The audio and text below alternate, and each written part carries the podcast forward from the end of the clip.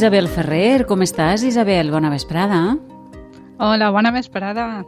Ai, ja sí, ja I... cap a l'últim programa de l'any. Passa totalment, molt ràpid el temps. Totalment. En un 3 i no res, 2021. Mira que bé.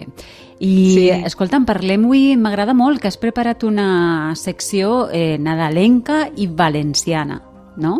Sí, sí, tenia moltes ganes de parlar d'este llibre perquè és un llibre de, de Manuel Sánchez Guarner que s'anomena Cançoneret València de Nadal on ell el que fa és, és de l'any 1960, és, és un recull d'aquelles músiques que va considerar més representatives del Nadal valencià i que és una xicoteta mm -hmm. joia que tenim uh, per, a, per a tots els que vinguem després. Efectivament.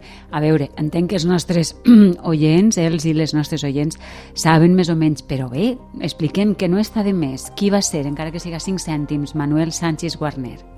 Sí, perquè no sempre se'l té en compte tant com, com, com caldria, no? Ell va ser un filòleg, escriptor, historiador valencià del segle XX que es va dedicar de forma intensa a estudiar i a documentar tot allò que envolta el valencià, la llengua, defensant la, la unitat i, i una vessant etnogràfica i de cultura popular, que, que és un mix del que fan el llibre també.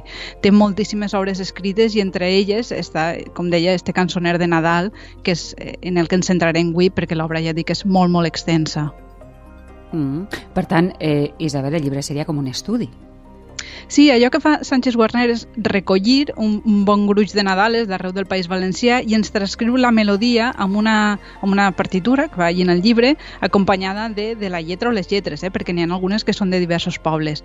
Però no només això, sinó que ell fa un xicotet d'estudi de totes juntes i fa com una classificació en quatre grans grups de Nadales eh, i aquesta classificació, baix el meu punt de vista, és molt, molt interessant perquè ens explica com funciona el Nadal valencià a través de la música.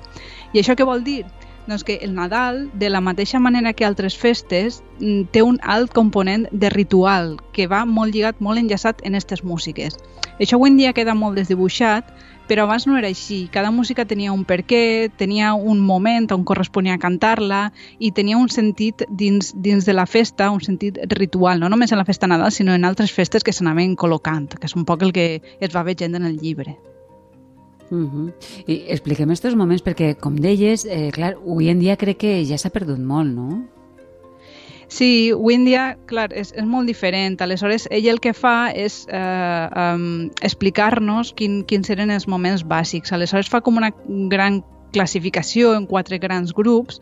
Aleshores, primer parla de les cançons d'Esguinaldo, després parla de les Nadales valencianes antigues, entre cometes, que són aquelles que es remunten fins a l'època medieval, que ja fa molt de temps, mm. després de les Nadales modernes, entre cometes, que serien un poc el sinònim de villancico en castellà, és el sí. que li diu Nadales modernes, i són unes peces breus que, que narren algun episodi relacionat amb el naixement de Jesús, que és el que comunament coneguem com a Nadala, i finalment parla d'un seguit de peces de temàtica profana, és a dir, no religiosa, mm -hmm. però que es canten en Nadal igualment. Uh -huh. I això eh, es feia en tots els nostres pobles? Eh, sí, els nostres pobles i en molts llocs d'Europa. De, de fet, no se sap d'on ve la paraula esguinaldo, que en sona castellanisme, però en realitat és molt semblant al castellà i també al francès. El que sí que sembla és que la tradició en terres valencianes es va mantindre com més en zones interior i de, i de muntanya. I si voleu per ambientar-nos, eh, en el llibre sentim eh, la primera cançó que ell transcriu, la primera que transcriu Sánchez Warner, en la versió que, mm -hmm. que ens fa Pep Jimeno al Botifarra. Vingueu pastoretes, vingueu a sopar, que la nit és curta i se'n tenim ganat.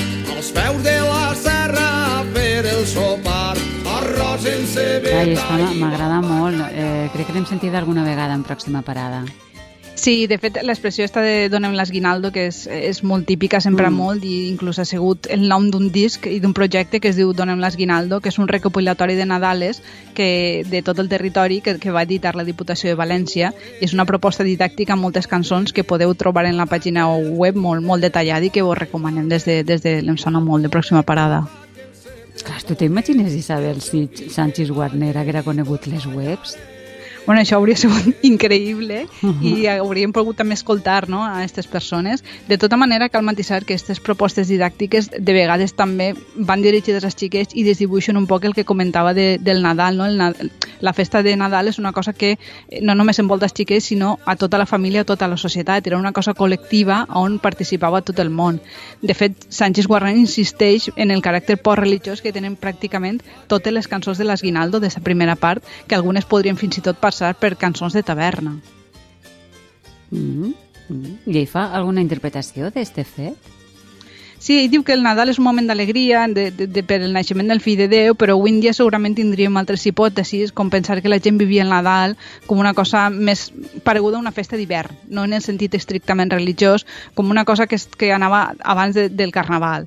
També s'ha de dir que el llibre és de 1960, està, està publicat en, en ple franquisme, per tant, algunes de les coses que diu ell segurament van passades per, per el filtre no, de, de la dictadura, eh, però en tot cas moltes cançons de l'Esguinaldo són totalment festives, com esta que anem a escoltar, que explica les aventures de Tonet, eh, eh, que en altres versions és Peret i té altres noms. L'esguinaldo de Tonet no volia anar a escola, sa Mariana va darrere, toca-li la testerola.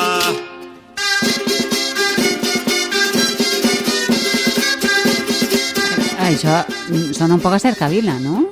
Sí, era un moment de, de carrer i festiu, poc religiós, segons ho entenem avui en dia, no? perquè si que anaven per el carrer anaven demanant eh, com una ronda, no? una ronda de capta.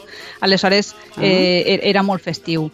I el, el següent apartat és el que pròpiament ja comencem en les Nadales, en, en valencià, no en llatí, que ens expliquen el naixement del fill de Déu i de la seva família, els àngels, els pastorets, els reis... Eh, estes, Warner entenc que són més antigues que aquestes cançons més de festa. Però quan dius antigues, eh, com d'antigues serien? Doncs són Nadales que hi remunta al segle XVI, com una que troba de Joan Timoneda, i altres que troba fins al segle XVII, és a dir, tenien com entre 300 i 400 anys, aleshores és molt impactant, no?, perquè ell les troba en el segle XX i que s'han anat transmetent per l'oralitat, i ara per, per que vegeu que realment arriben i, i arriben cantades, eh, les escoltem en una versió que fa mm, Paco Muñoz i en una que s'anomena A sonetes toca manetes.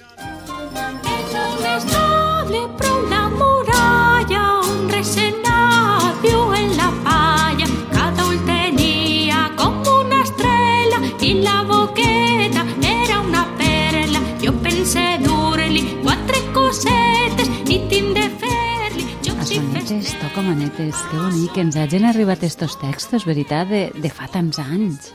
Sí, jo, la, jo crec que l'he escoltat fins i tot com a cançó de Bressol i és pràcticament miraculós, sí. però bueno, estos casos tan antics són aïllats, no? La majoria de Nadales que coneixem eh, probablement són del segle XIX, les que arriben al segle XX per l'oralitat. Eh, Sánchez Warner en recull moltes, que és el tercer apartat del seu llibre, i per explicar-les les classifica per temàtiques. Aleshores, primer eh, explica les protagonitzades per la Mare de Déu, després per Sant Josep, després fa esment als animals que apareixen a l'estable, a l'alletament de l'infant, als àngels...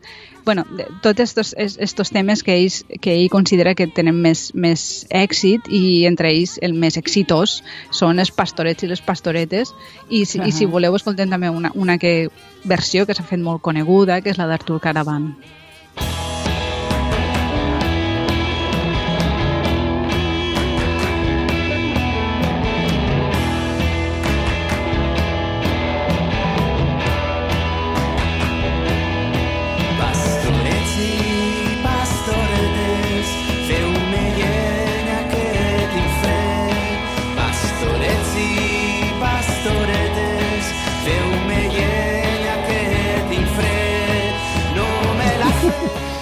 Cert, pastorets i pastoretes. Eh, mira, llenguatge inclusiu totalment, eh?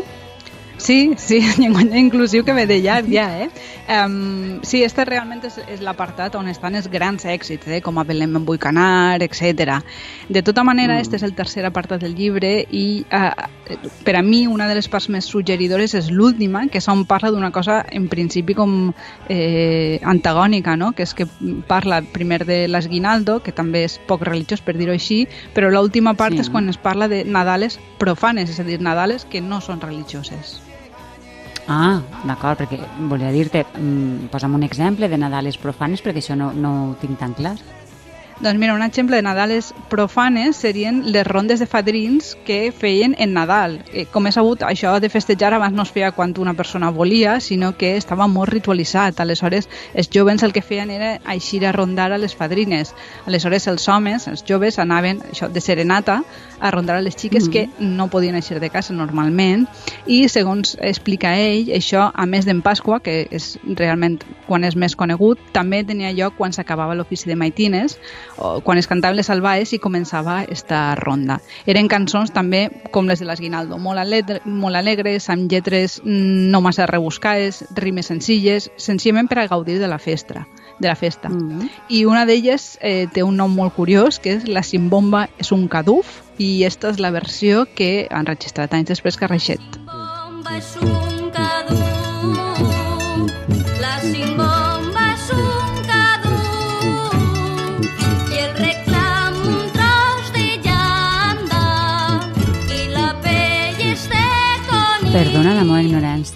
eh? Què és un caduf? Eh, Isabel, em sembla una paraula molt bonica, però no, no sí, era, que és un caduf. Sí, jo, jo també ho he hagut de buscar, eh? Era eh, cada un dels recipients o caixons que, que van en una corretja, en una roda, i servien per a treure aigua dels pous o per a transportar materials. Ah però aplicat a música com una simbomba és, vaja, jo suposo que és qualsevol cosa en la que pots fer soroll mm, d'una forma ja, ja, fàcil. Ja. Això també era molt comú Cadus. abans. Sí. Mm. O sigui que, pel que dius, eh, la imatge del Nadal recollit ja a casa és prou moderna, no? Perquè en el passat eh, tots anaven eh, amunt i avall. Sí, sí, no, la veritat és que sí, i més el que es pensem, però també hi havia moments domèstics i moments de crítica social on s'explicaven a través de les Nadales problemàtiques socials com de gènere o l'economia. Eh, tenim algunes Nadales que expliquen la quantitat d'hores que invertien les dones preparant el menjar per Nadal, matant els animals, d'altres que es parlen d'una espècie de tronc gran al voltant del qual la gent s'escalfava i passaven l'estona i cantaven, clar, per entretindes, no hi havia tele, del ressopó en carabassa i era el moment també on es donaven les estrenes i també, molt important, l'olla de Nadal i que ja és l'última cançó que escoltarem perquè també és un clàssic clàssic en esta versió del tall. Mig endormiscades a la plaça van, lo primer que busquen el tros de la carn, el tros de la carn.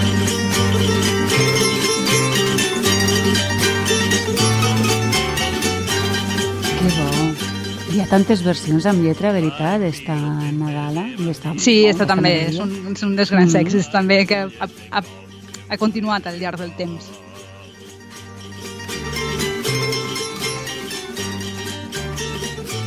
Doncs eh, mira, amb ella, amb olla d'Altall, acabem esta secció d'avui, em sona molt, ens ha sonat eh, dolcíssima i amable, nadalenca i valenciana. O sigui que, Isabel, moltíssimes gràcies i bon any. Ens tornem a, a xerrar de música l'any que ve. A música l'any que, que ve. Que vagi bé. Una abraçada, Isabel. Adéu, una abraçada.